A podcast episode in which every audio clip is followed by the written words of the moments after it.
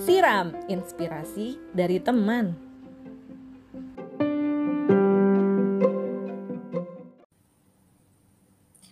Halo Ica. Halo tapi. Hai hai. Ini aku panggilnya Ica aja atau Dokter Ahmad Arizal nih harusnya Ica. Ica itu. Ica ya. Soalnya uh, agak ini ya, agak beban moral jujur ya kalau udah ngomong sama dokter itu kan pekerjaan yang mulia ya. Jadi kalau nggak manggil dok itu kayak kurang gitu, Cak, rasanya. Ya kan aku udah temenan sama Stepi mulai SMP ya. SMP bener. Masih inget ya, Cak, aku kayak gimana ya orangnya? Kurang lebih? Ya, Stepi orangnya yang paling periang. Oh periang ya, waduh, thank you, thank you. Nah, sebelum aku uh, bahas nih, Cak, tentang uh, kamu, mungkin aku kenalin dulu ya ke teman-teman yang dengerin podcast. Jadi, uh, halo teman-teman, di episode kali ini kita kedatangan dokter lagi, seperti yang tadi aku bilang ya sebelumnya kan kita kedatangan Ili ya. Nah, sekarang ada dokter lagi, uh, temanku waktu SMP nih, namanya uh, Ahmad Arizal. Dua itu aja ya, Cak ya? Sorry, aku lupa nih. Ada tambahan nggak di namanya? Nggak ada, ya cuma dua itu aja. Bener ya? Oke, Ahmad Arizal. Biasanya dulu waktu SMP tuh dipanggilnya Ica cuman aku nggak tahu nih uh, pas kuliah atau pas kerja udah jadi Pak Ahmad atau Pak Arizal nih aku nggak tahu ya. Tapi anyway aku manggilnya Ica dan uh, ya Ica ini teman baikku juga waktu SMP dan pinter banget guys. Jadi uh, itu juga yang nanti aku pengen bahas ya di podcast ini. Kenapa kok Ica bisa sepinter itu ya? Kalau dia nggak keberatan. Dan uh, kayaknya itu perkenalan dari aku ya Ica ya. Uh, kemudian mungkin aku kasih kesempatannya ke kamu nih Ica. Boleh dong kita kenalan nih biar teman-teman nih tahu lebih akrab tentang Ica. Monggo. Hai teman-teman yang sudah dengerin podcastnya Steffi. Saya Ahmad Arizal, uh, saya profesinya dokter. Kebetulan sekarang saya sedang menjalani uh, pendidikan dokter spesialis di Patologi Klinik Universitas Brawijaya Malang. Untuk hmm. kerjanya sih di RSSA, namun kalau status pegawainya di Rumah Sakit Lavalet. Salam kenal. Salam kenal, Ca. Aku mewakili teman-teman ya. Oke, thank you. Dan uh, tadi ya, uh, Ica udah sebutin pekerjaannya dan uh, kegiatan yang dilaku, uh, dia lakuin sekarang ya, gitu. Cuman uh, biasanya, Ca, ketika aku ngobrol sama guestnya, itu aku tarik mundur nih ke belakang kan. Jadi uh, tadi aku udah sebut kita satu SMP dan uh, mungkin ini kita infoin juga ya, kalau kita sekelas dari kelas 2 ya, Ca ya, 2 SMP ya Bener iya, nggak ya? Delapan delapan berapa? Delapan tiga ya? Delapan tiga. Ah, ah, delapan tiga sama sembilan satu. Kamu tujuhnya tujuh apa cak? Tujuh B kalau nggak salah. Oh tujuh B ya, oke. Itu berarti sama udah Rofi. Sama Rofi ya? Oke. Sama Rofi, iya. Tujuh B tuh udah unggulan kan dari awal masuk kan, Cak? Iya rasanya. Iya udah ada sausan gitu nggak sih? Ya, ada sausan. Ah, yes, yes. Nah, jadi benar Ica 7B, aku dulu 7G ya, G, uh, gagak gitu kan. Nah, jadi ketemunya di kelas 2, di mana memang aku alhamdulillahnya masuk ke unggulan ya guys. Jadi dipertemukan nama Ica di situ, kelas 9-nya bareng lagi.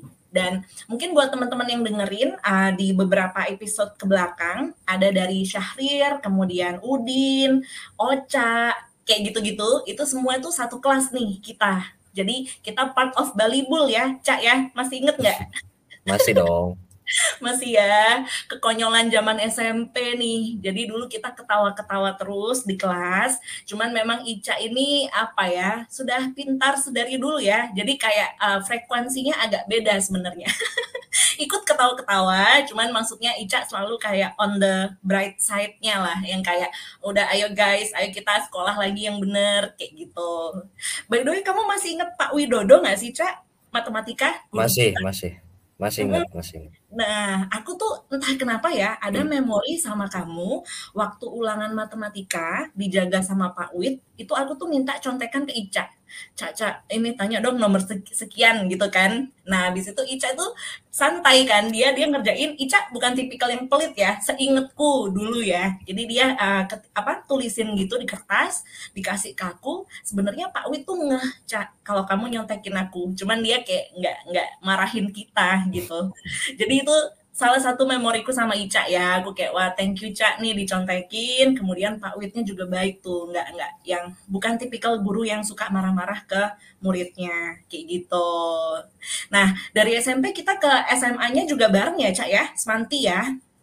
Iya, kita di Semanti, cuman aku satu apa ya satu bulan di reguler, habis itu kan pindah ke Axel. Ya, betul. Regulernya di 7 eh sorry, 10 apa tuh, Cak, waktu itu? 10 1. Oh, 10 1 sama, sama IB, IB ya. Ha, sama Syahrir. Oke. Nah, itu tuh pindah akselnya karena kemauan sendiri kan, Cak, berarti? Iya, pindah akselnya oh. karena kemauan sendiri. Mm -hmm. Oke oke. Nah kalau boleh nanya uh, flashback dikit, itu kenapa cak? Kok akhirnya kamu decide aku Axel aja deh gitu? Uh, sebelum milih Axelnya, aku mungkin hmm. agak flashback lagi di kehidupan SMP ya.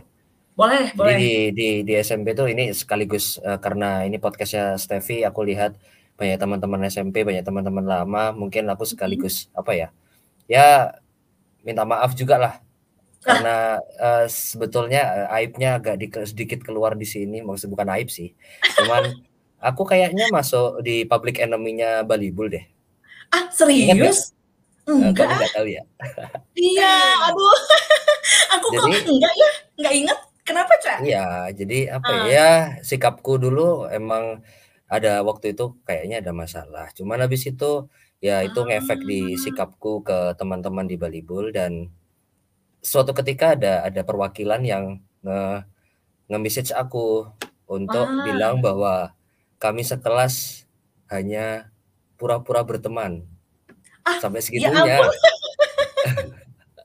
Oke. Okay. Cuman pada saat itu aku bener-bener down dan dan dan uh, message itu terbaca oleh orang tuaku. Dan setelah ah, itu ya setelah itu uh -huh. aku aku ya hitungannya aku dapat dapat hidayah lah. Ya, setelah itu aku kayaknya harus berubah.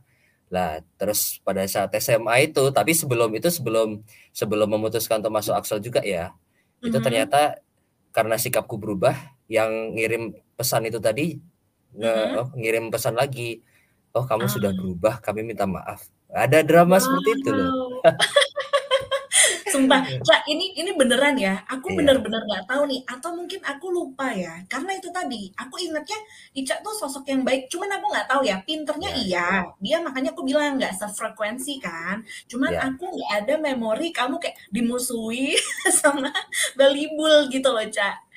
Ya, Kak, mungkin mungkin beberapa uh. beberapa orang saja, cuman kan di pesan uh. tersebut itu hanya apa? Dia me, me, me, mewakili seakan-akan semua se, semua orang di kelas itu memusuhi saya, padahal ya mungkin tidak.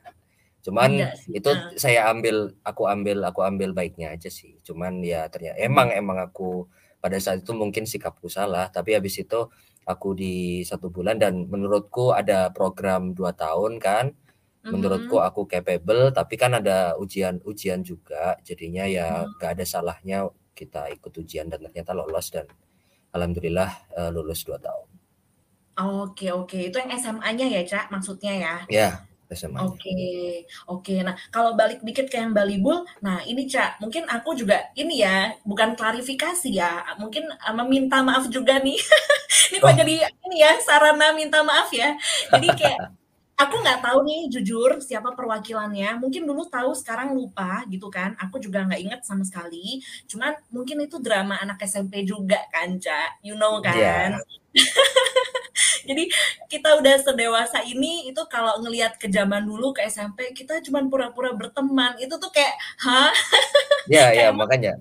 Uh, uh, uh, makanya kan itu drama drama banget jadinya maksudnya. Uh, uh, tapi aku uh, ambil positifnya aja lah. Karena memang menurutku sikapku mungkin keterlaluan pada saat itu jadinya mumpung daripada ada beban uh, ini juga di podcast ini mungkin didengarin sama orang-orang yang mungkin dulu masih belum memaafkan saya jadinya saya sekaligus ah. saja. Ya, oke. Aku yakin sih harusnya anak-anak juga udah semuanya nggak ada ini sih, Ca, nggak ada kepikiran ya. Amin gitu kan. Heeh, jadi guys, guys, ini buat message untuk anak-anak Balibul ya. Tolong nih, kita udah pada dewasa, udah lupakan yang dulu ya. Kita berteman lagi dan mungkin nanti aku nggak tahu Cak, beberapa tahun lagi atau tahun ini kan pengen kumpul kan anak-anak kan. Nah, nggak tahu deh jadinya gimana gitu kan yang Balibul. Oke, tapi anyway, kita balik lagi ke SMA.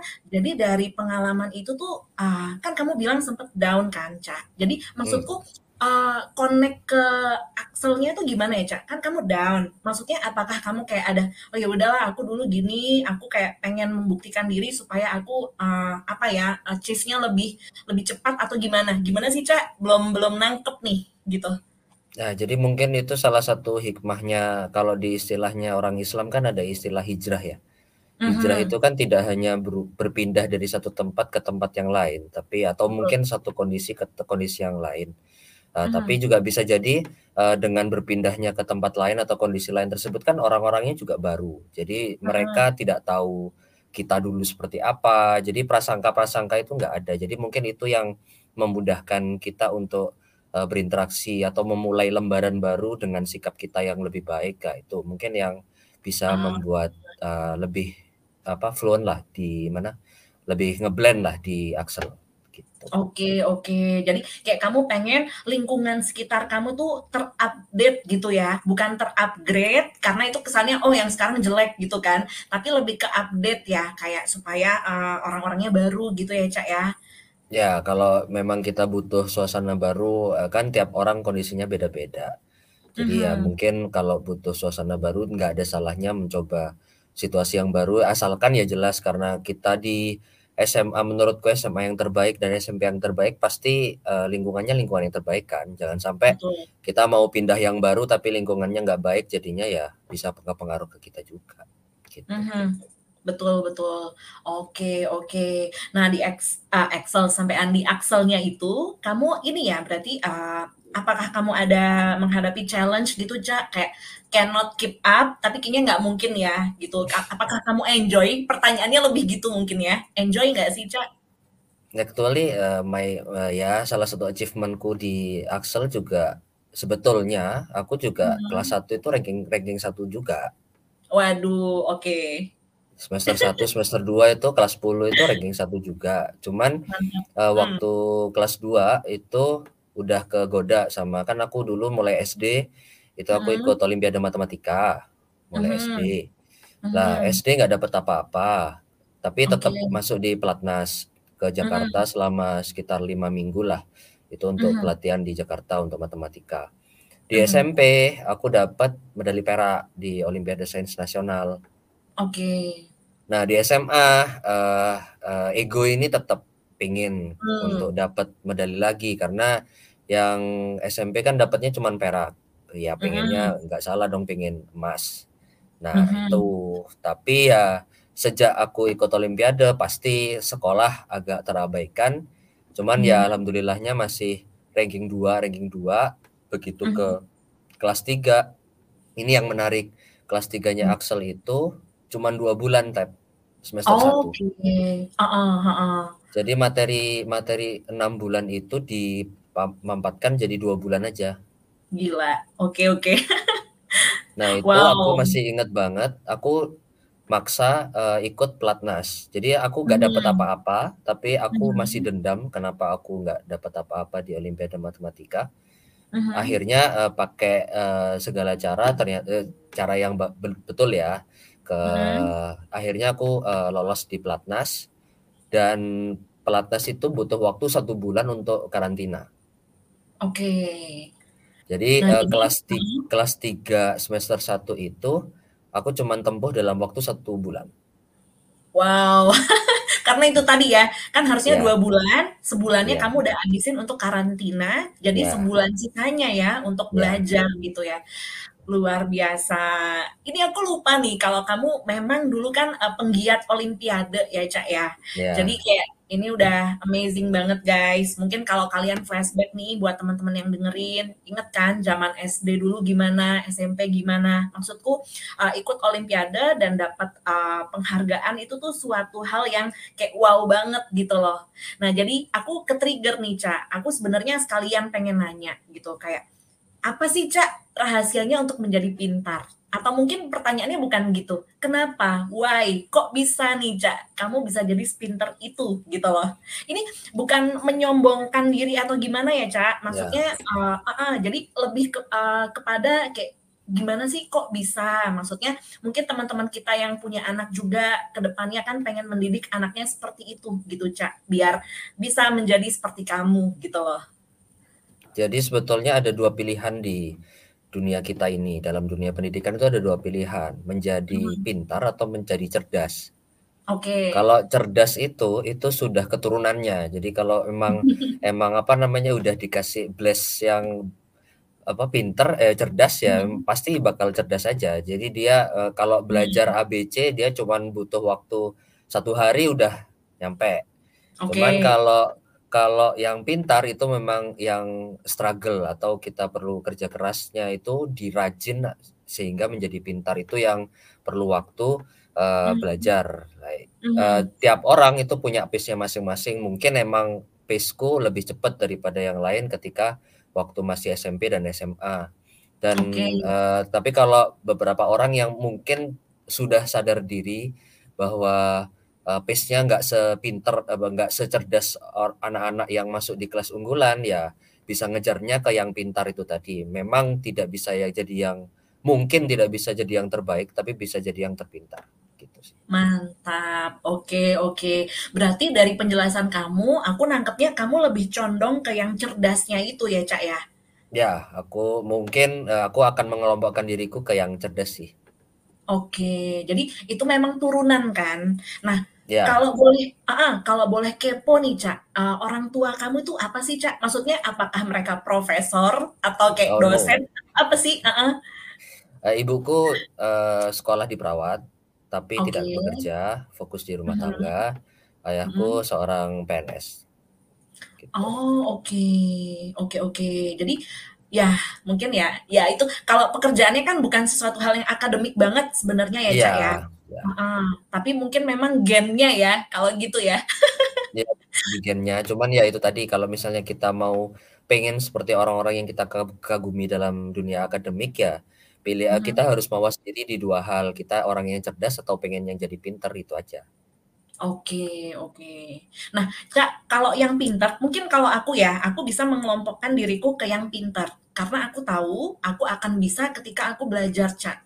Dan dulu waktu SMP biasa sama kayak kamu kan uh, teman-teman kita suka komentar kan.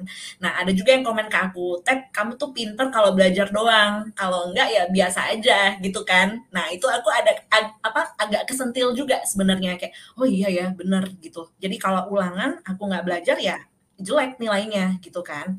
Nah, ketika kamu tahu kalau kamu ini cerdas, ini tuh uh, apa sih Cak momen yang bikin kamu kayak ngeh gitu loh. Kayak apakah ketika kamu belajar, oh lima menit aku udah paham semua gitu. Apa sih indikatornya gitu? Nah, itu itu sebetulnya yang bi bisa bikin jadi apa ya? flow-nya aku malah justru beberapa orang cerdas yang tidak tahu diri kadang-kadang itu meremehkan uh, hmm. apa yang akan dia hadapi karena dia tahu nih, uh, oh logikaku atau pikiranku mengatakan aku prediksikan akan gini gini gini gini. Nah itu bisa jadi flow karena kadang-kadang kita lupa bahwa dunia kan tidak satu tambah satu sama dengan dua. Betul. Banyak orang sukses di luar sana yang mungkin lulusan SD, lulusan SMP, jadinya emang uh, kita harus tahu juga bahwa ya satu yang pace-nya tadi sendiri-sendiri dan hmm. dua uh, dunia orang yang satu tidak seperti mungkin sama sekali tidak sama dengan dunia orang yang lain gitu. Oke, oke. Jadi, uh, tapi kalau untuk sadarnya sendiri, Cak, uh, menyadari bahwa kamu memang tipikal yang itu tadi ya, cerdas, itu tuh ada momen khusus nggak sih, Cak, yang kamu paham nih, oh ternyata aku tuh uh, buka materi dikit tuh langsung paham ya, kayak gitunya sih. Ada nggak, Cak? Itu sebetulnya udah mulai SD ya. Jadi udah uh -huh. mulai SD karena ranking terus, apalagi SD tuh lingkungannya mungkin lebih umum ya daripada SMP dan SMA. Kita tahu kan Hmm. SMP sama SMA kita unggulan terus kan. Jadi Ya. kan pasti bibit-bibitnya pasti bibit-bibit unggul juga, maksudnya lingkungannya. Nah, kalau SD Mhm. itu kan mungkin lebih eh famili apa lebih apa ya, lebih umum lah, lebih general. Nah, di Betul. situ di situ eh aku paham bahwa aku belajar sedikit udah tahu nih, udah gampang. Cuman ya itu tadi ka karena kita masih belum dewasa mu eh, sering kali eh bahkan kan aku tadi ikut olimpiade matematika ya. Mhm, mhm. Aku es eee, waktu kelas 3 itu matematika remedi loh.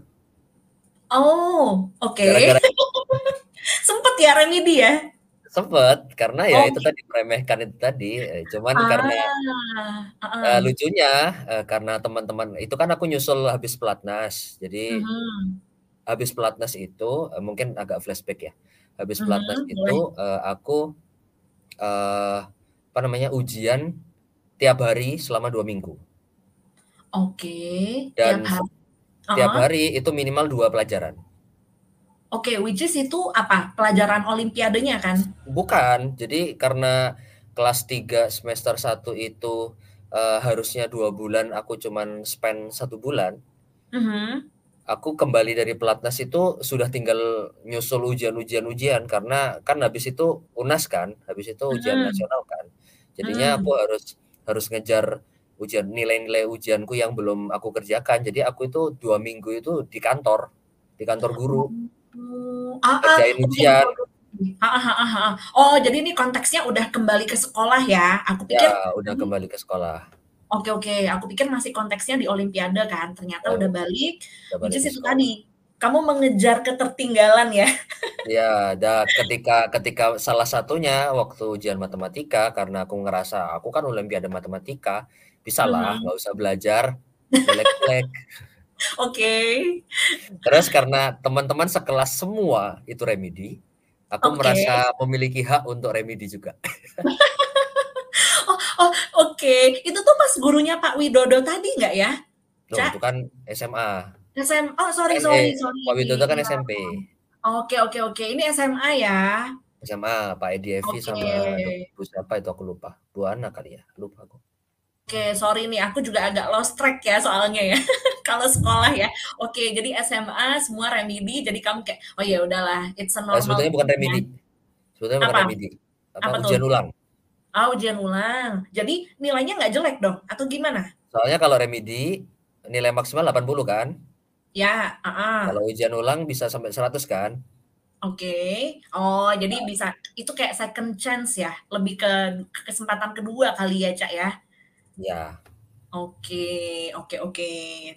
Jadi ternyata ya, Cak, kalau, eee, balik ke yang tadi kamu bilang, eee, di satu sisi kamu kan, eee, menemukan dirimu tuh cerdas itu tadi ya, mengelompokkan dirimu ke ke apa, eee, ke tim yang cerdas. Kemudian kamu punya jalan kamu sendiri, kayak olimpiade itu tadi kan. Tapi ternyata ada hal-hal yang perlu kamu sacrifice juga ya, Cak, ya, di satu sisi ya.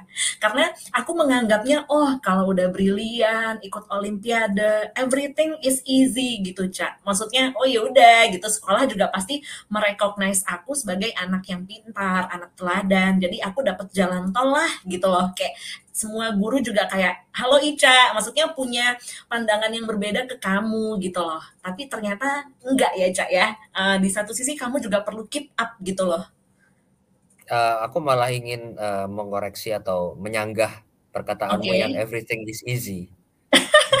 Oke, gimana Eee, tuh? kalau kalau bagiku, eee, perlu diyakini sama teman-teman yang dengerin podcast-nya Steffi ini, bahwa Mhm. everything is not easy.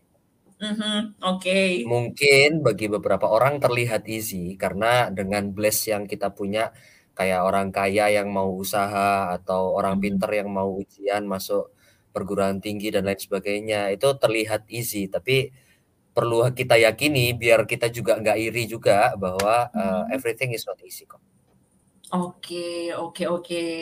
Ya sih, eee, karena kita cenderung melihatnya kan rumput tetangga tuh lebih hijau ya, Cak, ya. Jadi Iya. seolah-olahnya seperti itu, padahal kita nggak tahu nih mereka tuh mengalami apa di dalamnya gitu ya. Oke, mantep nih. Nah, eee, oke, tadi kan kita sampai di SMA ya, Cak, ya. Jadi SMA itu tadi kamu ternyata perlu keep up. Nah, dari situ kamu manage untuk lulus ya, Cak, ya. Danemnya waktu itu biasa aja atau yang ini juga, tinggi juga, Cak? Eee, 46 koma berapa gitu, 46 ya kalau nggak salah, 46 apa 56? 6 6 pelajaran bukan sih? SMA gitu? Lupa, Cak, sumpah lupa. 6 ya, Kayaknya mungkin ya? kayaknya 6 deh. IPA IPA Oke. 3 sama bahasa Indonesia, matematika, bahasa Inggris. Oke, berarti 56 ya, dari 56. 60? Ya rata-rata 9 koma. Oke, mantap. Nah, itu kan terbukti lagi tuh. Nah, dari situ, Cak, eee, ketika mau memilih jurusan kuliah, itu apa sih yang ada di pikiranmu, Cak? Kita tahu kamu pada akhirnya jadi dokter, pasti kuliahnya kan FK. Cuman when deciding to, eee, apa ya, memilih jurusan kuliah, itu tuh apa sih, eee, yang ada di pikirannya Ica? Ini aku penasaran aja gitu. Karena kan kamu, eee, pasti udah tahu nih, bakatku seperti ini, aku punya skill, jadi aku harus memilih ilmu yang memang kira kira-kira di dalamnya tuh aku akan lebih berkembang gitu loh, Cak. Boleh diceritain nggak? Justru malah awal SMA itu aku pengennya jadi, eee, teknik informatika atau pokoknya di Telkom lah. Mhm. Pikirannya pikirannya cuman kuliah, ndang lulus, ndang kerja gitu tok. Oke. Tapi di pa pada saat pelatnas itu, eee, terjadi, eee, perang batin. Karena aku Oke. sebetulnya ingin melepaskan Axelku atau Mhm. sekolah 2 tahunku itu ingin tak lepaskan demi, eee, balas dendam di Olimpiade Matematika. Sampai oke. di titik di titik itu orang tuaku mengingatkan aku bahwa, "Loh kan komitmennya" dulu sebetulnya kami sudah, eee, memiliki perjanjian kalau orang tuaku tahu aku ambis. Jadi Mhm. kalau di dunia olimpiade apalagi udah hampir 6 tahun aku bergelut di olimpiade mulai SD, SMP, kemudian SMA. Nah, Mhm. orang tuaku tahu kalau aku ambis. Jadi, eee, kalau, eee, ketika aku memutuskan untuk masuk akselerasi, berarti Mhm. kesempatanku untuk ikut olimpiade itu kan berkurang. Oke. Nah, di Mmm. orang orang tua eee, kam eee, sa aku berkomitmen sama orang tuaku bahwa aku tetap mau sekolah 2 tahun, meskipun kesempatanku olimpiade berkurang. Tapi Oke. ternyata olimpiade aku gagal dan aku mau lepas dari Axel itu, orang tuaku mengingatkan aku untuk komitmenku yang dulu, jadinya akhirnya aku, eee, manut sama orang tuaku dan kenapa kok akhirnya milih ke FK itu juga ada background history-nya. Jadi, eee, Mmm. Kakekku pada saat itu juga, eee, sakit dan Mhm. meninggal sebelum tepat sebelum SNMPTN. Dan Ah, set dan oke. s dan Mhm. ketika senam apa, eee, ketika kakekku mau meninggal itu, ayahku itu sangat ingat di, eee, otakku bahwa ayahku bilang, "Ma, jadiin anakmu dokter biar bisa nolong orang." Lah di situ aku Mhm. tergerak ingin karena bapakku dulu pengen jadi dokter tapi nggak kesampaian. Ja nah aku ingin Mmm. seakan-akan kan juga apa ya, membantu orang juga nggak ada salahnya juga dan aku menurutku aku mampu jadinya, ya okelah aku coba. Cita-citaku yang jadi Telkom atau Olimpiade Matematika tak kubur, aku pengen jadi Mhm. dokter. Itu itu yang jadi Ah. pilihan. Oke oke. Jadi ternyata ada faktor ekstrinsik juga ya, Cak, ya. Eee, itu tadi perkataan dari papa kamu kan yang men-trigger kamu kayak, "Oh ya udah kayaknya memang aku, mmm, apa ya, mempergunakan ilmu dan skill-ku di dunia kedokteran aja," gitu ya. Karena kalau aku balik ke belakang tadi, Cak, sebenarnya kan, eee, tadi kamu bilang kamu, eee, sempet pengen teknik informatika. Jadi kayaknya jalur kamu tuh ke ITB banget nggak sih, Cak? I mean in Indonesia ya. Kalau di luar kan banyak kampus yang bagus. Cuman cenderung orang di Indonesia kalau pinter itu kalau orang Malang ya, eee, jalurnya tuh SMP 3, SMA 3, ITB gitu kan. Nah, tapi ini Ica, eee, karena itu tadi ada background story-nya, kamu decide untuk ke FK gitu ya, Cak, ya? Iya, aku pengen ke Mhm. FK. Jad eee, mungkin koreksi, aku dulu nggak sepengetahuan itu, eee, tentang Mmm. universitas-universitas terbaik di Indonesia. Tahu ITB bagus, tapi, Mhm. eee, pikiranku cuman ITT Telkom malah, yang mungkin Ah. apa ya, nggak nggak sewah ITB ya mungkin ya bagi beberapa orang. Mmm. Cuman ya aku nyari cepetnya aja karena Axel juga udah cepet kan. IT Mhm, Telko Telkom betul. mungkin D3 mungkin juga cepet juga, jadinya pengennya ya cepet-cepet ajalah ndang ndang kerja gitu. Cuman ternyata Ah. jalannya beda. Oke oke. Jadi kamu ya itu tadi ya, ambismu tuh ternyata berefek ke ke apa, ke kecepatan gitu ya, Cak, ya. Kayak, "Ayo ayo Iya. endang," gitu kan gitu kan, apa pun deh gitu, biar cepet gitu. Oke. Nah, setelah kamu decide untuk masuk FK, Cak, kan kamu menjalani dong, eee, kegiatan di dalamnya. Nah, itu apakah kamu cocok, Cak? Maksudku gini, FK kan cenderung ke biologi, gitu-gitu nggak sih? Correct me if I'm wrong ya. Eee, sementara background kamu kan tadi matematika kan. Apakah ada benang merahnya di situ, Cak? Atau kamu ngerasa, "Waduh, sebenarnya ini bukan aku banget nih," gitu. Gimana tuh, Cak? Heeh.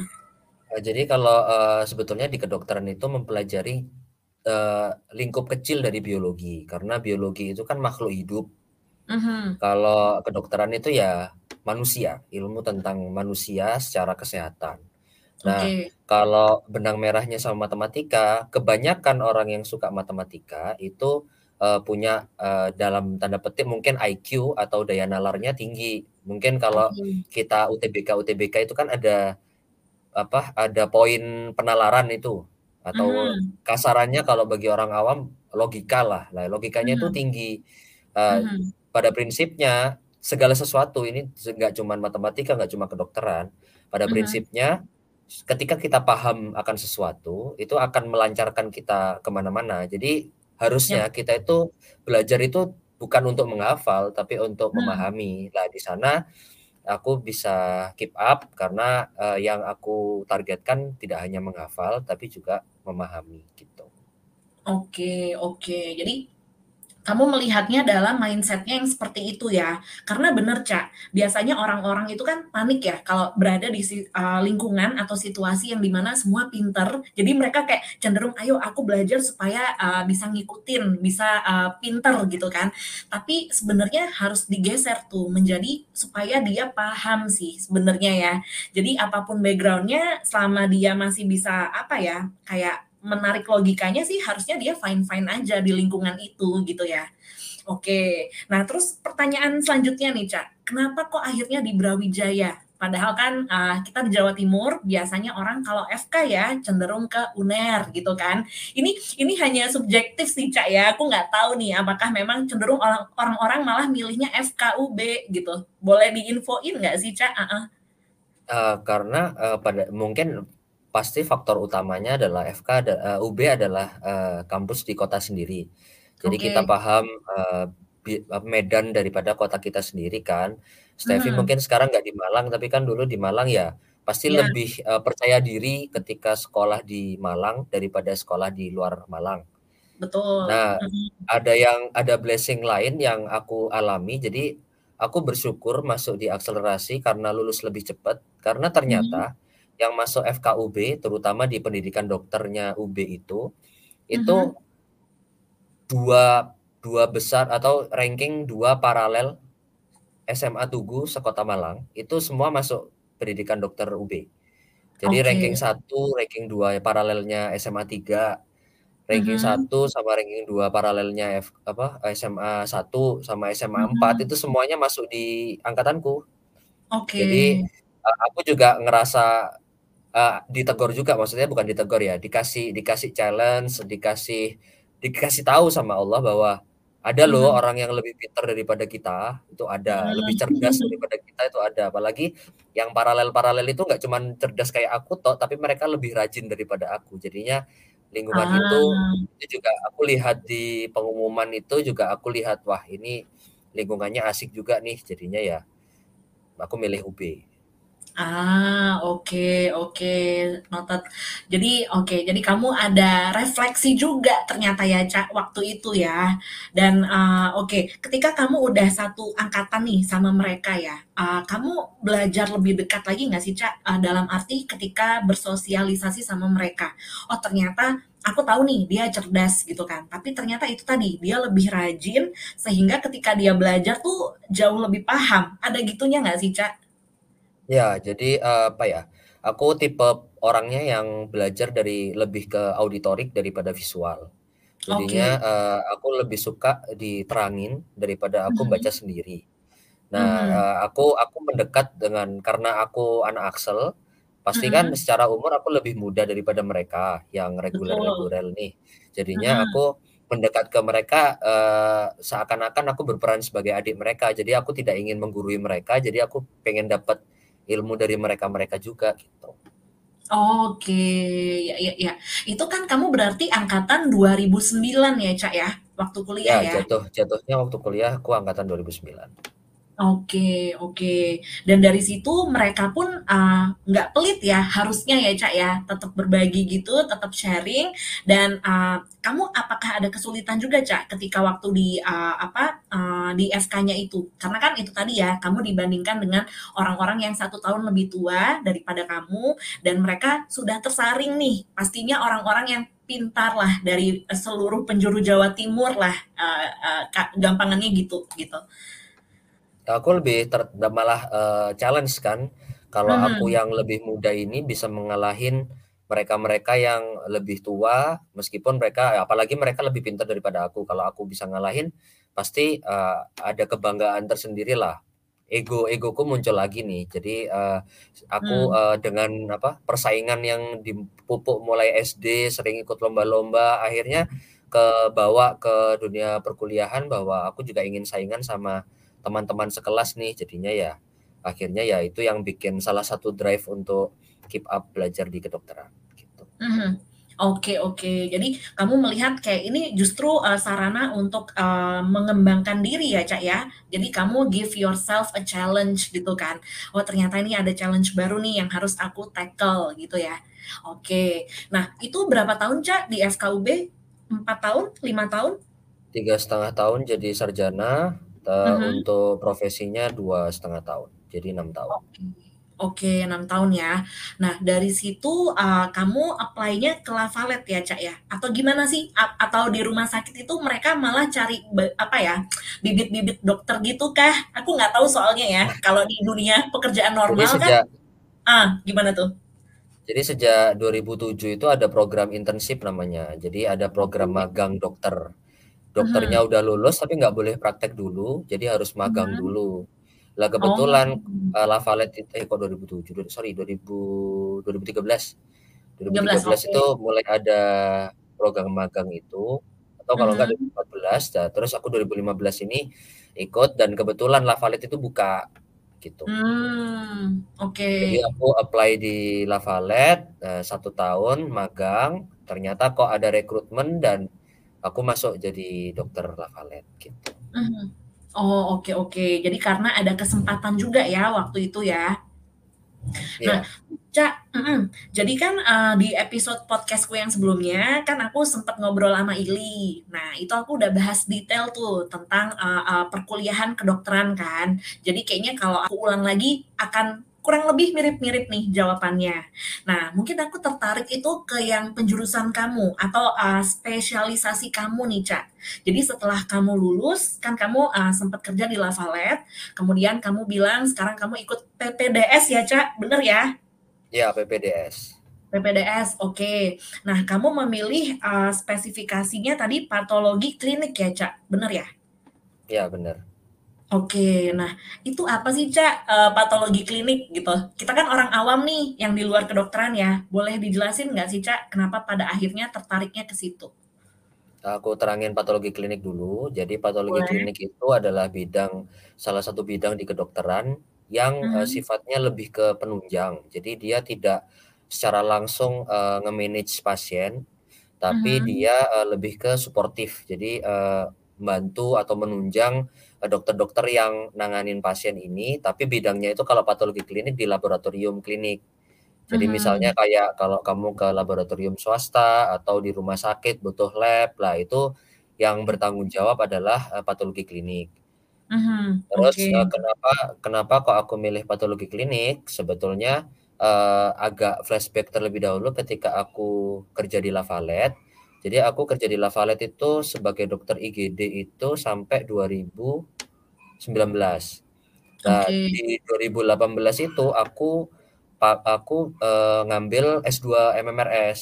Jadi sambil kerja, Mmm. sambil kuliah. Mhm. Kenapa kok gitu? Karena, eee, waktu aku di Lavalet itu, aku juga dapat tugas tambahan sebagai kepala rawat jalan di rumah sakit Lavalet. Oke. Mantap. Jadi aku jadi aku jadi apa ya, jadi orang manajemen juga selain jadi orang fungsional di sebagai dokter Hmm. IGD, tapi juga sebagai dokter rawat jalan. Nah, Hmm. di ketika aku padahal background-ku itu sebetulnya kebanyakan nih dokter-dokter yang di fungsional itu, eee, punya apa ya, punya perasaan yang nggak setuju sama dokter-dokter di manajemen. Mhm Karena mhm. dokter-dokter di fungsional kan yang ngerawat pasien tuh. Yang Betul. berjasa, eee, kasarannya, eee, yang berjasa utama untuk nggak apa, eee kesembuhan pasien itu ya si dokter yang spesialis yang nangani pasien itu kan, bukan orang Betul. manajemen kan. Tapi kan kok Mhm. orang manajemen kok kayak ngatur-ngatur dokternya kan, harusnya kan Hmm. dokternya yang punya power bukan orang manajemen. Nah, karena Mhm. aku kecemplung istilahnya ja jadi orang manajemen, akhirnya aku tahu, oh ternyata emang perlu ilmu nih manajemen rumah sakit. Jadinya aku Mmm. sekolah dulu S2 MMRS dan ketika aku sekolah MMRS, aku Mhm. berada di persimpangan. Kalau Oke. aku mau spesialis, aku nggak bisa megang pasien, karena kalau aku megang pasien, aku nggak bisa megang rumah sakit, gitu. Oh, oke oke. Oke, jadi kaitannya nggak bisa megang pasien karena kamu manajemen tadi ya, Ca, ya? Part of manajemen tadi? Iya, kalau aku akhirnya nanti aku akan mengorbankan salah satu antara aku tidak jadi manajer di rumah sakit, Mhm. sama aku jadi klinisi yang megang pasien. Karena emang dua dua hal ini nggak bisa dijadiin satu gitu. Oh, oke oke oke. Ini baru tahu nih, Ca, yang ini ya. Kemarin aku nggak bahas ini sama Ili nih. Oke, jadi makanya kamu sempet ngambil S2-nya, which is tadi yang, eee, di MMRS itu ya, Ca, ya? Dan terus kamu, eee, dari situ kamu, eee, ketika kamu mau ngambil yang kayak back end-nya rumah sakit, kamu memilih yang patologi klinik ya, Ca? Ya, betul. Jadi Mhm kalau mhm. kalau aku udah lulus jadi SPPK nih Mhm. Jadi aku bisa, eee, ya bertanggung jawab sebagai, eee, laboratoriumnya, tapi juga aku bisa ngelola rumah sakit juga, gitu. Oke oke. Nah, patologi klinik nih dalamnya apa, Ca, isinya, Ca? Apakah kalau aku ya, tadi aku bilang ke Ica, apakah tentang kuman-kuman virus gitu kan? Karena patologi kan, kita ingetnya mikro-mikro, eee, apa, makhluk hidup mikro lah, kayak gitu, Ca, bener nggak? Eee, itu juga dipelajari di kami. Jadi, eee, Oke. kalau kita kan sekarang lagi pandemi nih, meskipun habis ini Mhm. mudah-mudahan jadi endemi. Itu Mhm, yang yang yang paling hits itu ya spesialisnya patologi klinik. Kenapa? Karena, Oh. eee, mungkin yang belajar high tech itu Mhm. lebih ke spesialis patologi klinik. Gitu. Oke. Mhm mhm. Kayak Berarti alat-alat kamu kemarin tuh, ada alat-alat baru kan, ada PCR, ada swab antigen, ada swab Mhm. apa, lah itu itu yang belajarin, eee, alat-alat metodenya itu adalah patologi klinik, gitu. Oh, oke oke. Jadi wow, jadi kalau misalnya aku kepikiran aja sih, kalau kamu ke luar negeri, kayaknya ilmu kamu akan jauh, eee, berkembang lagi ya, Ca, ya? Karena kan banyak inovasi yang ditemukannya di luar Indonesia kan. Akan sangat luas gitu loh cakupan, eee, learning-nya gitu, Ca. Iya, jadi, eee, Mmm. memang secara teknologi apalagi, eee, dengan undang-undang yang sekarang ada, itu, eee, teknologi kedokteran itu masih pajaknya kayak barang mewah. Oke. Jadi, eee, akhirnya untuk mendatangkan alat-alat yang kesehatan yang canggih itu perlu Mhm. biaya yang besar, Mhm. sehingga, eee, di teknologi di kedokteran di Indonesia ini terbatas di kota-kota besar. Kalau Mhm. kalau aku ke luar negeri pasti, eee, harus keep up dengan teknologi yang ada di luar negeri, gitu. Oke oke oke. Nah, tadi kamu di awal ya, eee, waktu kita ngobrol nih, Ca, sebelum rekaman, kan kamu sempet bilang patologi itu sebenarnya ada 4 cabang ya, Ca, ya? Which is di dalamnya tuh sebenarnya ada radiologinya juga ya, bener nggak? Eee, bukan bukan bukan patologinya yang ada 4 cabang, tapi, eee, di dunia kedokteran ada penunjang, Ah, eee, oke yang oke, sorry. sifatnya suportif tadi yang aku bilang di belakang layar dalam menangani pasien, yang Mhm. mendukung dokter-dokter kayak dokter penyakit dalam, dokter bedah. Lah itu kalau dokter-dokter penyakit dalam sama bedah itu, itu yang Mhm. di depan, yang Oke ketemu oke. sama pasien. Kalau yang 4 tadi, radiologi, Uh, Mhm. patologi klinik, patologi anatomi, sama mikrobiologi itu yang di belakang layar. Ah, oke oke, sorry. Jadi itu yang penunjangnya ya, penunjang dibagi 4 ya, bukan patologinya, karena patologinya masuk ke dalam penunjang itu ya, Cak, ya? Oke, berarti kamu sama Ili mirip lah ya, maksudnya lebih memilih ke back end-nya itu tadi, gitu, Iya. Cak? Ah hah, oke. Nah ini ini penting nggak penting sih, Cak, tapi kamu apakah ketika ya ini tadi kamu ada reason karena kamu pengen belajar manajemennya juga di rumah sakit. Tapi kan kamu udah merasakan nih dealing with patients, eee, apa sih orang pasien lah ya, eee eee, bertemu langsung dengan pasien dan juga kamu merasakan kerja di klinik. Sebenarnya seorang Ica ini lebih suka di mana sih? Kan pasti ada panggilan jiwanya kan. Kamu sebenarnya lebih suka ngomong sama orang atau ngomong sama mesin lah dalam tanda kutip gitu, Cak? Sebenarnya aku suka ngomong sama orang. Mhm. Namun, eee, ketika aku ya aku juga dulunya seperti yang aku sampaikan tadi, bahwa orang-orang fungsional itu biasanya dendam atau kan dalam tanda petik dendam lah sama orang-orang manajemen karena ngerasa kami yang capek kok dia yang dapat, eee, dapat apa, benefit-nya gitu. Nah, ak Mhm. ternyata aku nyemplung di manajemen itu, aku baru baru berpikir bahwa, oh ternyata orang manajemen ini juga ada perannya, terutama peran untuk membuat, eee, suasana rumah sakit itu lebih kondusif, lebih apa ya, perannya itu lebih, eee, memastikan bahwa pelayanan yang diberikan oleh teman-teman yang di lapangan itu, eee, terbaik untuk pasien atau Mhm. kalau ada keluhan sama pasien ya orang-orang manajemen kan yang yang apa namanya, meng menangani itu. Jadinya okelah Mhm. aku aku pilih pilih patologi klinik untuk untuk itu, biar aku juga spesialis, tapi juga aku bisa, eee, me-manage rumah sakit, gitu. Oke oke oke. Itu tuh menarik nih, Cak. Ini berarti nggak apa-apa ya di-share ya?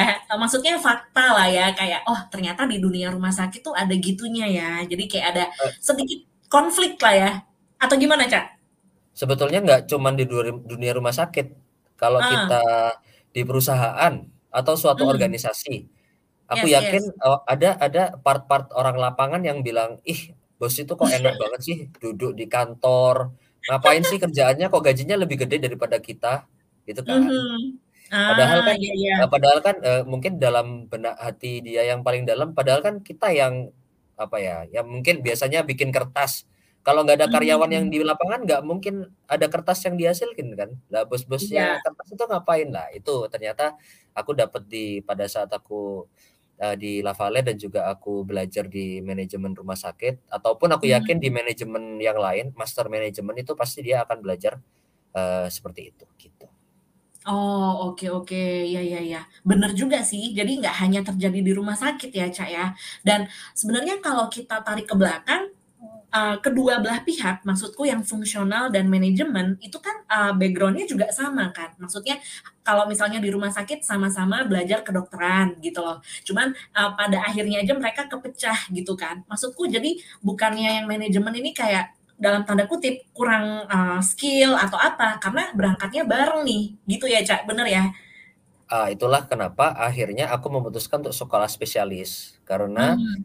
Eee, takutnya ada mindset-mindset yang atau atau min eee, jangan-jangan spesialis deh, mungkin, Mmm. eee, beberapa orang jadi bos tapi, eee, sebetulnya dia, eee eee, gelar pendidikannya itu S1 atau background Mhm. pendidikannya S1, padahal yang kerja di bawahnya dia itu S2.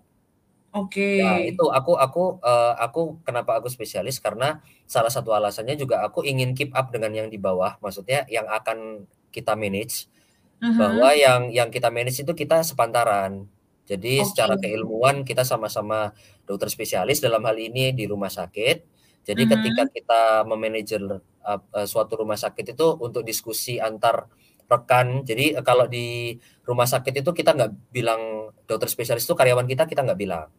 Dokter spesialis itu Oh. adalah rekan-rekan daripada, eee, rumah sakit. Jadi, eee, posisi rumah sakit sama posisi dokter spesialis itu sejajar.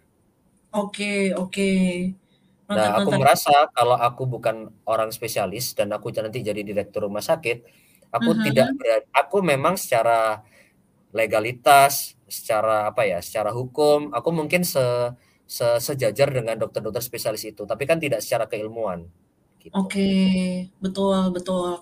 Oh, oke. Ini menarik sih, Cak, karena aku jadi kepikiran kan, oh ternyata sebenarnya di rumah sakit pun terjadi, eee, leadership ya. Maksudku biasanya kan itu hanya di perkantoran aja ya, Cak, ada sistem karyawan, anak buah, sama bos atau, eee, manajernya kan. Nah, ternyata di rumah sakit juga ada. Cuman tadi kamu bilang, eee, posisinya tuh rekan ya, jadi bukan bawahan gitu loh. Nah, tapi I know secara legal itu tadi, kamu akan berada di kayak seolah-olah kalau nanti jadi direktur ya, akan di atasnya mereka. Nah, ini jadi kepo aja sih, Cak. Maksudnya seperti apa sih kayak leadership di rumah sakit itu, Cak? Maksudku kalau di kantor kan, oh ya udah atasannya yang ngasih pekerjaan nih ke anak buahnya. Nah, kalau di rumah sakit tuh proses diskusinya, day to day-nya tuh kayak gimana sih, Cak? Kalau boleh di-spill ya, takutnya kan ada yang, eee, confidential. Cuman kira-kira yang bisa di-share ke kita apa nih, Cak? Oh, Biar kita jadi, eee, juga kalau paham. Ah. Ya, jadi kalau sebetulnya sama antara organisasi satu dengan organisasi yang lain itu sama, cuman mungkin penamaan istilahnya aja yang beda. Jadi kalau di rumah sakit, pimpinan yang Mhm. paling tinggi itu adalah, eee, direktur rumah sakit. Itu yang Oke. atau istilahnya bisa jadi kepala rumah sakit, itu yang paling tinggi. Nanti Mhm. kepala rumah sakit itu akan dibantu oleh wakil direktur atau wakil kepala rumah sakit, atau apa pun Mhm. istilah di bawahnya, itu tergantung, eee, struktur organisasi masing-masing. Nah, kemungkinan Mmm. kemudian di bawahnya lagi ya mungkin ada kepala subbagian atau mungkin ada koordinator, hingga sampai ke Mmm. petugas orang lapangan, gitu. Oke oke. Nah, berarti kalau dokter yang fungsional, itu tuh masuknya ke yang mana, Cak? Yang Masuk orang yang paling lapangan? bawah. Iya. Ah, oke oke. Jadi tadi kan di atasnya orang lapangan kamu bilang ada sub orang yang subbagian lah ya, yang megang divisinya gitu. Nah, itu biasanya ya jad eee, apa, dari orang lapangannya sendiri kan? Dia yang kayak jadi ketua kelompoknya lah dalam tanda kutip, bener nggak, Belum tentu juga belum tentu ju eee, kalau Oh. yang di atas persisnya, eee, orang lapangan atau yang Mhm. koordinator ruangan atau kepala IGD mungkin atau kepala ruangan atau apa, yang di atasnya Mhm. langsung yang mimpin itu memang orang lapangan. Tapi kalau Oke. kalau yang bantu direktur atau yang bawahnya yang bantu direktur atau yang lain itu biasanya bukan orang lapangan, gitu. Mmm, oke oke oke. Wah, ini jadi belajar nih, guys, ya. Ini soalnya kan jarang-jarang ya, Cak, ya, you know kan teman-teman angkatan kita tuh kebanyakan memang pekerja kantoran. Jadi, eee, untuk rumah sakit tuh kita taunya ya udah tempat untuk berobat aja gitu, tapi ternyata di dalamnya tuh kayak, wah sekompleks ini juga gitu loh, Cak. Jadi ini thank you nih, insight-nya berguna banget nih buat kita. Cuman memang ketika ke rumah sakit kita lihat sih, kadang kayak ada structure-nya gitu kan, Cak. Maksudnya, eee, siapa aja di dalamnya gitu kan. Nah, ini kepo aja sih, Ica ada nongol nggak sih di Lavalet waktu itu? Pas jadi kepala klinik ada nggak sih, Cak, fotonya gitu? Kalau kepala klinik malah justru, eee, aku pisah dari rumah sakit Lavalet.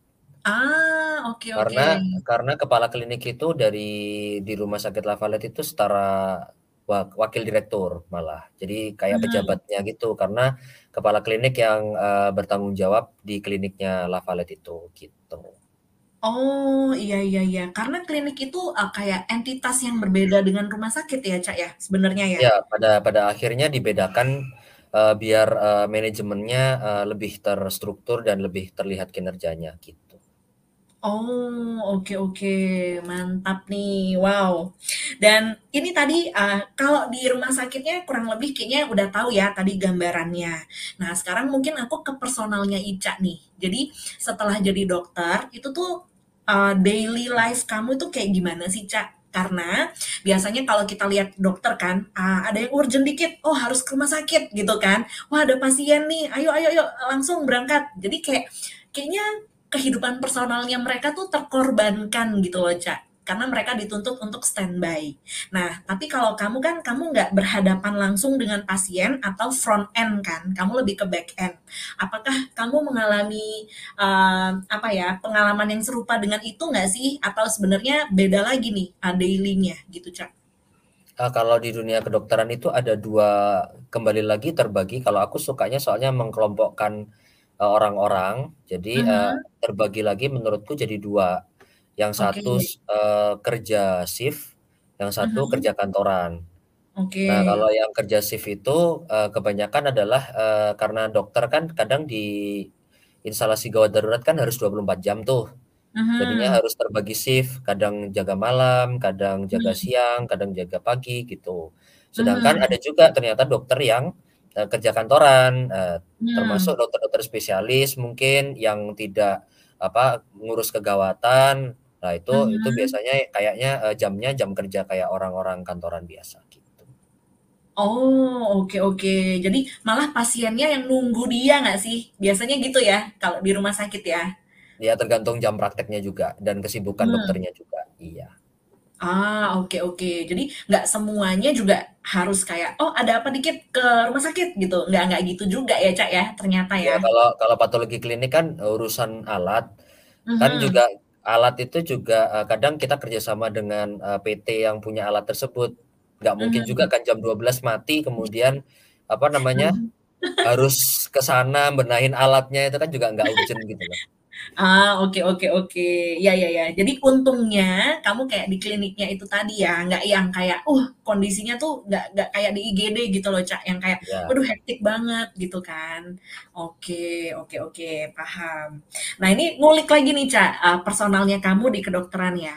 Kan kamu tadi, eee, bilang kalau kamu sebenarnya masuk ke kelompok yang cerdas. Nah, ketika kamu kerja di both di rumah sakit atau di klinik atau sekarang di, eee, S2 atau PPDS kamu tadi ya, sorry nih kalau kecampur. Intinya di semua kegiatan itu kan kamu punya junior, Cak. Nah, apakah kamu pernah menemukan orang yang mirip gitu, Cak, sama kamu? Dan kalau iya, apa yang kamu lakuin ke dia gitu? Apakah kamu kayak bimbing dia atau kasih wejangan dia atau kamu malah kayak, apa, ngasih challenge gitu, Cak? Ini penasaran aja sih akunya. Ya, habis ini aku sebetulnya baru eee, aku masih junior ini sebetulnya. Tapi Ah. kalau kalau di tempat kerja, Heeh. mungkin ada yang lebih pintar daripada aku atau gimana, itu malah aku justru banggalah. Pasti tiap bos atau tiap orang yang berada di posisi senior itu punya kebanggaan tersendiri kalau Mhm. punya junior yang lebih mampu daripada kita. Ya pastinya Oke. kita akan membimbing dia, apalagi yang, eee, junior untuk, eee, dokter spesialisku ini, sekolah spesialisku ini, itu udah Mhm. bisa bantu S3 malah yang yang juniorku ini. Jadi kan sangat Mmm. pintar banget nih, apalagi beda beda angkatan ya.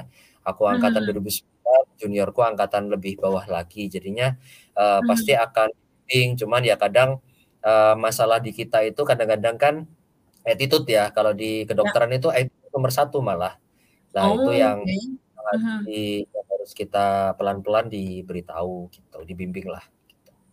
Oh, iya iya iya. Ini aku jadi ingat, bener, Cak, eee, sorry nih kalau jadi bahas guest yang sebelumnya ya, tapi kayak Illy, Illy juga bilang tuh, bahwa ternyata di, eee, dunia kedokteran, attitude tuh penting ya, karena kamu harus belajar untuk handle pasiennya, kalau memang front end ya. Dan ternyata kalaupun di back end, kayak yang tadi kamu bilang, eee, ternyata ada isu juga tentang attitude nih. Jadi, ternyata segitunya ya rumah sakit dan, eee, dunia kedokteran ya. Aku pikir kayak totally kayak, ya udah gitu, ada penyakit kita sembuhin gitu. Tapi ternyata di dalamnya tuh kompleks banget, Cak. Ada organisasi, ada itu tadi, attitude-nya juga harus bagus gitu ya.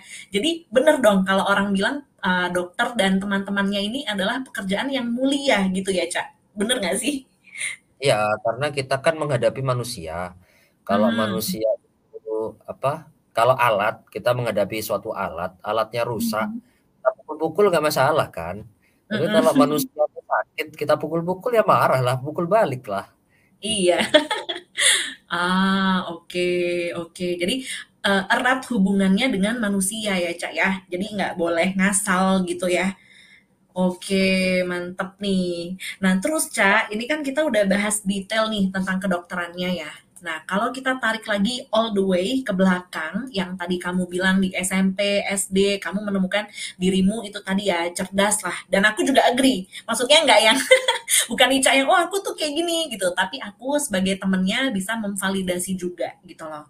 Nah, eee kalau ditarik all the way ke belakang itu, Cak, apakah memang kamu lihat, oh kayaknya memang bener nih ternyata ya panggilanku tuh di sini, jadi I'm on the right path gitu loh, aku di jalan yang benar gitu loh. Ada gitunya nggak sih? Atau seorang Ica pengen explore lagi nih, sekarang udah bagus banget jalannya, tapi kamu sebenarnya masih haus nih, aku tuh masih kepengen ini, ini, ini, tap gitu. Jadi sebetulnya kalau dari hidup ya, secara umum kita Mhm. bicarain hidup, itu sebetulnya semua Mhm. kan pilihan. Yap. Cuman pilihan-pilihan itu juga memilih untuk memilih hal tersebut lah. Ah, bahasa aku agak Hmm. bingungin ya. Jadi kita sebetulnya nggak ingin itu, tapi kita Ah. memilih untuk ingin itu. Lah itu itu juga salah satu pilihan loh. Oh, tunggu Cak, sorry sorry. gimana? Tadi ya itu menarik tuh, kita nggak pengen ke situ, tapi kita memilih itu. Itu konsep yang baru nih. Gimana tuh, Cak? Jadi kayak kayak tadi aku cerita waktu Ah. eh, apa eh, SMA sebelum kakekku meninggal kan aku pengen di ITT Telkom atau Mhm. sebelum malah momennya yang lebih dekat adalah waktu Olimpiade aku pengen eh, karena gagal di Olimpiade aku pengen eh, lepas dari akselku dan aku pengen ngejar ke matematika. Mhm. Nah itu kan aku memilih untuk itu kan, tapi ternyata Mhm. kakekku meninggal dan aku eh, ayahku bilang seperti itu, itu sebetulnya buk- eh, di luarku kan. Nah, Ah, kemudian oke aku memutuskan untuk memilih eh, dunia kedokteran yang mungkin itu adalah eh, secara orang apa ya? Mungkin orang awam akan melihat itu kan pilihan orang tuanya, eh, tapi aku memilih untuk memilih pilihan orang tuaku.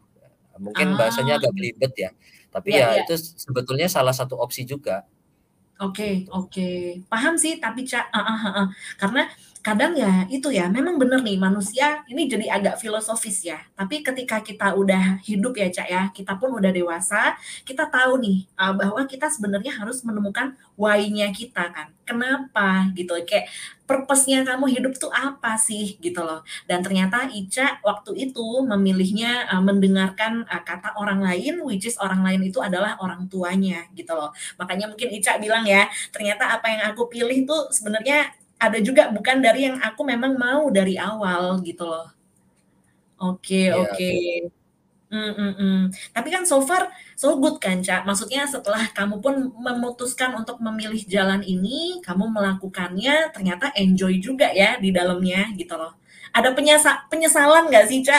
Ini pertanyaan kontroversial sih, tapi apakah kamu udah enjoy banget atau kamu ternyata, eh, masih ada nih sekian persen pengen kayak ke informatikanya gitu, ada nggak sih?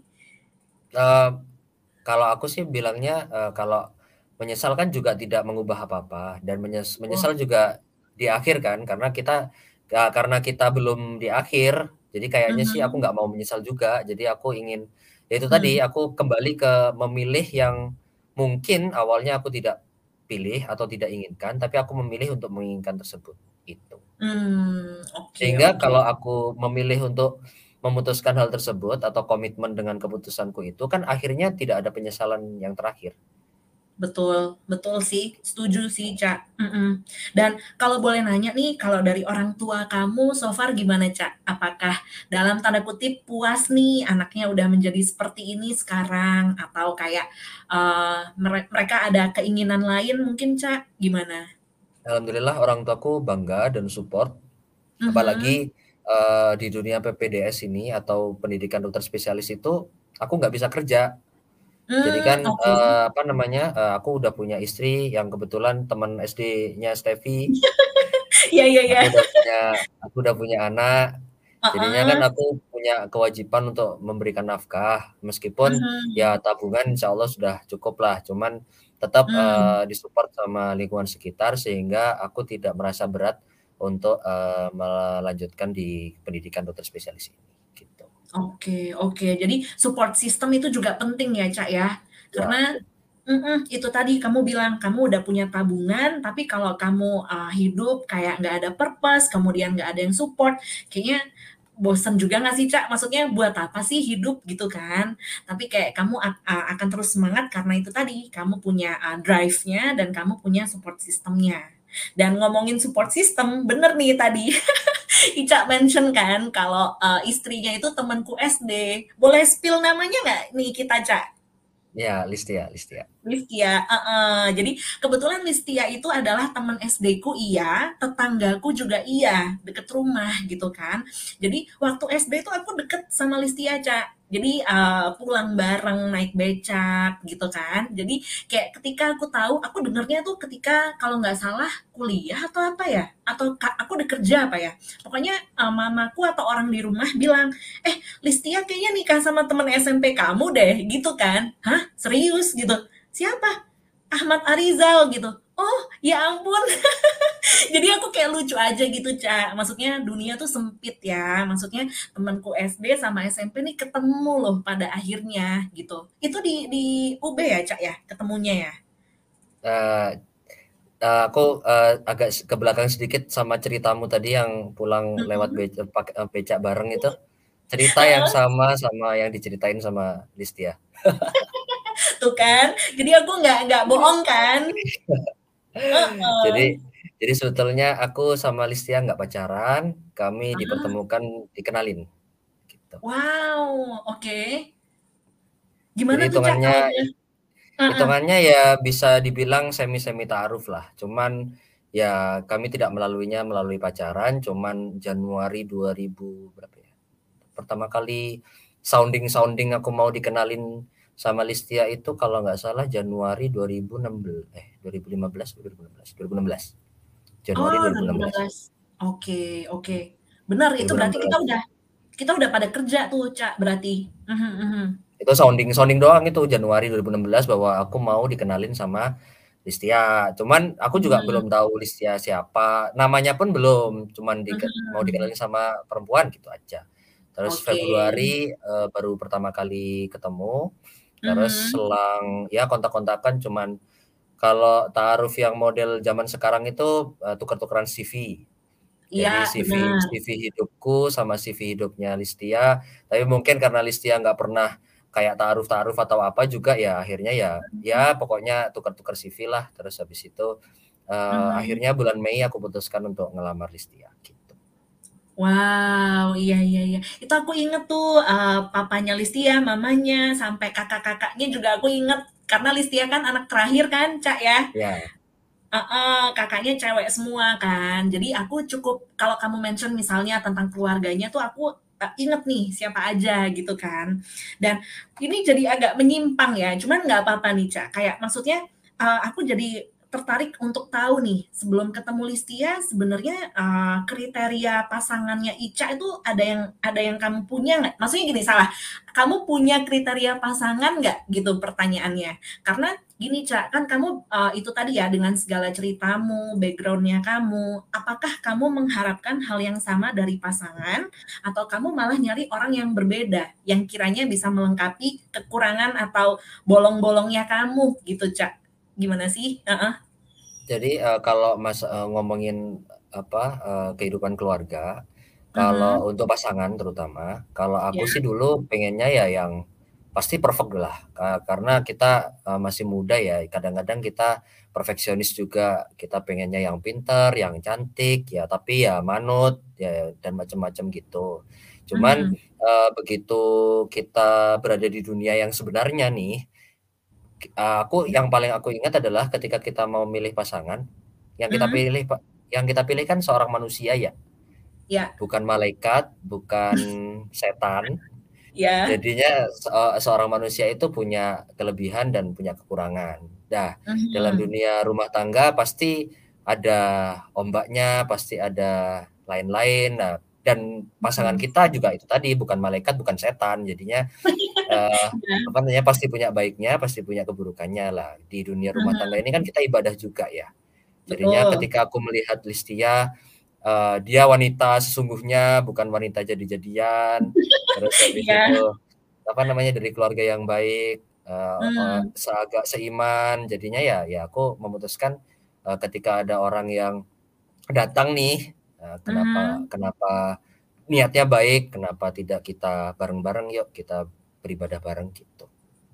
Oke, iya sih, bener sih, Ca, eee, kalau aku boleh membenarkan ya, karena biasanya orang kalau nyari jodoh itu kan pengennya itu tadi nih, cenderung yang perfect, tanpa mereka melihat, "Loh, aku sendiri juga ada kekurangan kelebihan loh." Jadi, ya aku harus mau menerima dong, pasanganku juga ada gitu loh. Jadi, karena menikah ibadah ya ya dalam prosesnya ya kita melakukan penyesuaian itu tadi ya, akan kekurangan dan kelebihan masing-masing gitu.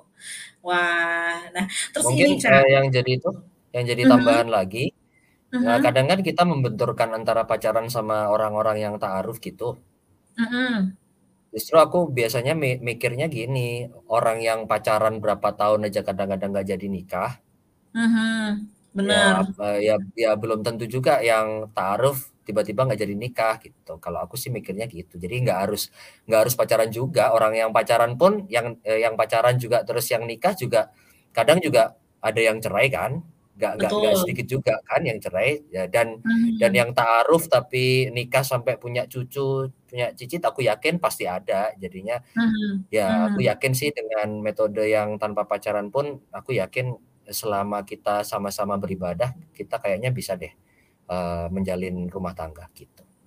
Yap yap. Ya, aku aminin ya, Ca, ya, amin. Kayak maksudnya itu udah jalan yang kamu pilih juga kan. Dan ini, Ca, menyimpang lagi sih pertanyaannya. Kan aku kebetulan sekarang belum menikah ya, jadi kayak masih single gitu kan. Nah, aku tertarik tuh, kan kamu, eee, sama Listia kan semi ta'aruf lah ya, nggak yang ta'aruf totally, tapi ada proses, eee, semi ta'aruf tadi. Nah, waktu kamu mau ngelamar itu sebenarnya kamu ada merasakan sesuatu nggak sih, Ca? Maksudnya gini, kita oke, kita akan menerima pasangan dengan kekurangan dan kelebihannya. Tapi how do I know that, eee, she is or he is the one gitu, Ca? Waktu itu apa sih yang kamu rasakan? Jadi Yang agak pribadi. Heeh. Jadi ya kalau aku sih, eee, ya pasti sebelum memutuskan untuk melamar Listia ya aku sholat istikharah dululah. Kita serahkan ke Wow. yang di atas gimana, dan ternyata Mhm. hati ini yakin untuk, be melanjutkan ke jenjang yang berikutnya, menjalin rumah tangga, jadinya ya akhirnya aku mantap untuk memilih Listia, gitu. Oke oke. Jadi kamu juga berdialog dengan Allah ya, dengan Tuhan lah ya, Ca, ya. Nggak yang mikir sendiri gitu, tapi ada kayak berdoanya gitu. Oke oke. Iyalah, kan kita kita Heeh. di dunia ini juga nggak sendirian. Betul. Tuh, teman-teman yang dengerin yang masih single ya, aku nggak bilang jomblo ya, karena udah jomblo kan konteksnya mau pacaran, tapi kalau single kan status ya. Nah, jadi mungkin itu kita mengambil pengalamannya gitu. Jadi kalau mencari tuh ya cari yang ada maksudnya gini, eee, bersedia menerima kekurangan, kelebihan, dan juga ketika menetapkan pilihan tuh ada dialog juga dengan Allah gitu ya, dengan Tuhan, supaya kita juga diyakinkan hatinya. Cie. Nah, mungkin Tapi kalau terakhir ah, apa? tapi kalau nggak yakin ya jangan diterusin ya. Ya Ah, maksudnya iya sih. kalau kalau ada curiga curiga ya kalau mau ada yang mau diklarifikasi atau mungkin perlu apa Mmm. ya, kok kayaknya dia nggak sebaik itu deh, atau perlu selidik selidik ya nggak apa-apa Mhm. diselidikin aja. Iya sih. Ya ya ya, bener bener bener. Karena memang ada hak di situ ya, Ca, ya, untuk Ya. kita saling tahu gitu loh. Takutnya di awal aja dia bilang, "Oh, baik kok, aku gini gini gini," ternyata belakangnya kan ini ada sesuatu gitu. Nah, Ya. makanya kita berdoa sih, kayaknya lebih ke berdoa ya, Ca, supaya kita dilindungi juga nggak sih sama yang di atas gitu loh, di semua prosesnya kita gitu loh. Oke, nah tadi terakhir tadi aku mau bilang, eee, kalau untuk keluarga ini, Ca, kan kamu juga bilang tadi kamu udah punya anak. Nah, kamu udah tahu menjalani dirimu sendiri eh sorry, menjalani hidupmu sebagai diri kamu sendiri itu kamu udah tahulah seperti apa. Nah, jadi untuk anakmu nanti gimana nih, Ca? Karena kan dia pasti akan mewarisi juga ya harusnya ya gen-gen kepintaran dan kecerdasan ya. Nah, apakah kamu tipikal ayah atau bapak yang akan membebaskan dia, atau kamu nanti, "Kayaknya aku akan nge-guide dia deh, jadi kamu tuh harusnya hidup tuh gini, Nak, gini," gitu? Jadi tugasku sebagai orang tua pasti akan membimbing ya. Cuman, Mhm. eee, pasti tiap manusia bahkan anak yang kembar pun satu sama yang lain itu berbeda untuk, Mhm. eee, bagaimana cara kita untuk menjadi orang tuanya mereka. Kadang ada anak yang dia yang proaktif cerita, kadang ada yang harus kita yang, eee, apa, mendampingi sama dia, sehingga dia Mhm. mau baru mau cerita. Dan ini Mhm. anakku alhamdulillah udah mau usia lima tahun. Nah, tapi kan juga masih anak-anak nih. Kita kan masih belum tahu nanti ke depannya Hmm. dia akan berkembang sebagai anak yang seperti apa. Jadinya ya semua pasti berharap kita uh, mudah-mudahan anak kita jadi anak yang soleh solihah. Nah, Amin. tapi uh, karakteristik daripada anak yang soleh atau solihah itu kan beda-beda. Nah, itu yang Hmm. harus kita tunggu dan kita perlu sabar juga untuk menghadapi anak-anak kita karena pasti kita bukan anak kita bukan kita dan kita bukan anak-anak kita. Gitu. Wow, iya iya iya. Oke, oke nangkep. Jadi kamu nggak akan kayak, oh ya aku akan begini begini begini, tapi kamu lebih ke menyesuaikan ya. Nanti anakmu nih kayak gimana gitu kan? Apakah dia tipikal yang aktif ngomong ke kamu atau dia yang kayak butuh, tolong dong kasih tahu aku harus ngapain gitu ya?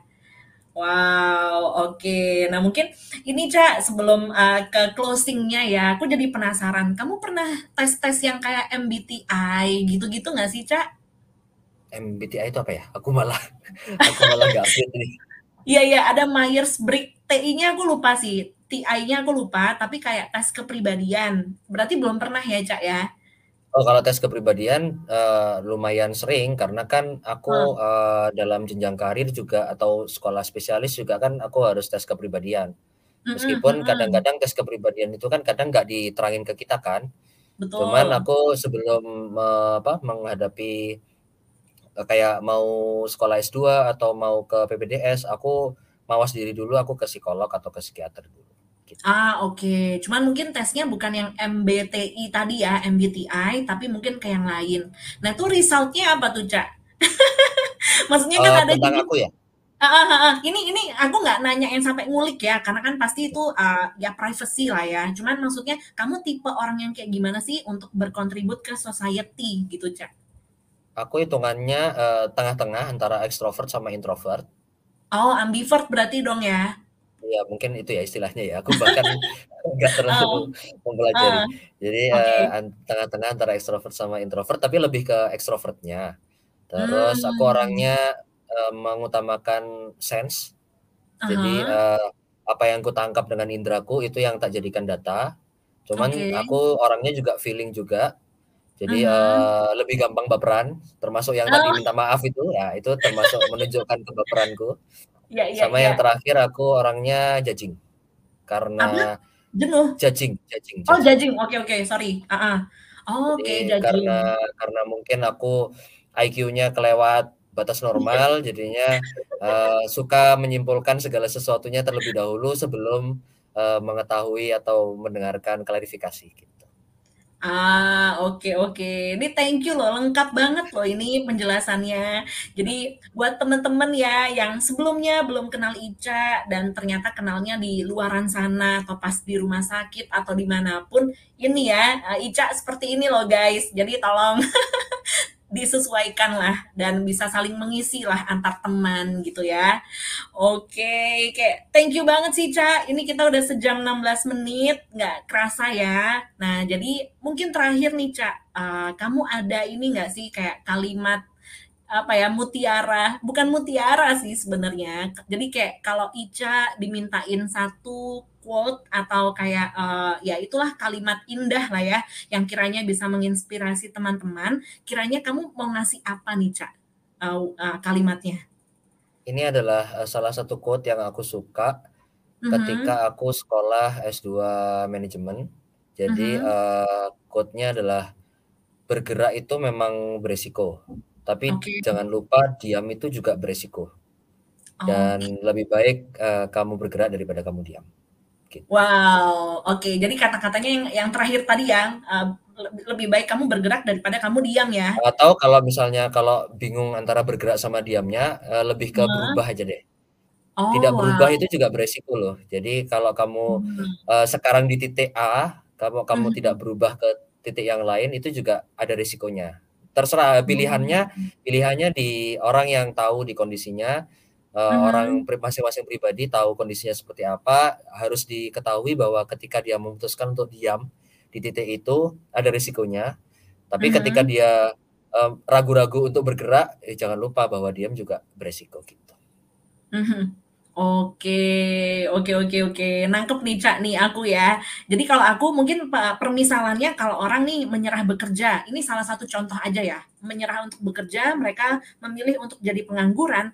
Nah, itu every uh, decision-nya itu juga ada ini uh, impact-nya kan. Bekerja ada ininya uh, apa uh, dampaknya pengangguran juga ada. Jangan dianggap pengangguran atau diem-diem aja tuh ya udah gitu-gitu doang gitu ya.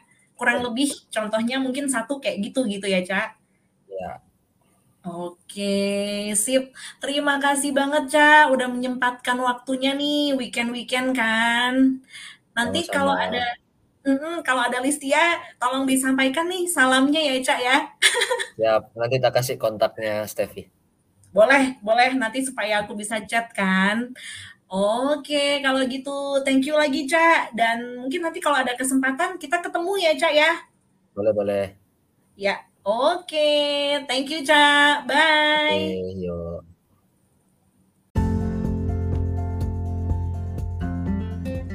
Thank you for listening to Siram. See you in the next episode. Bye.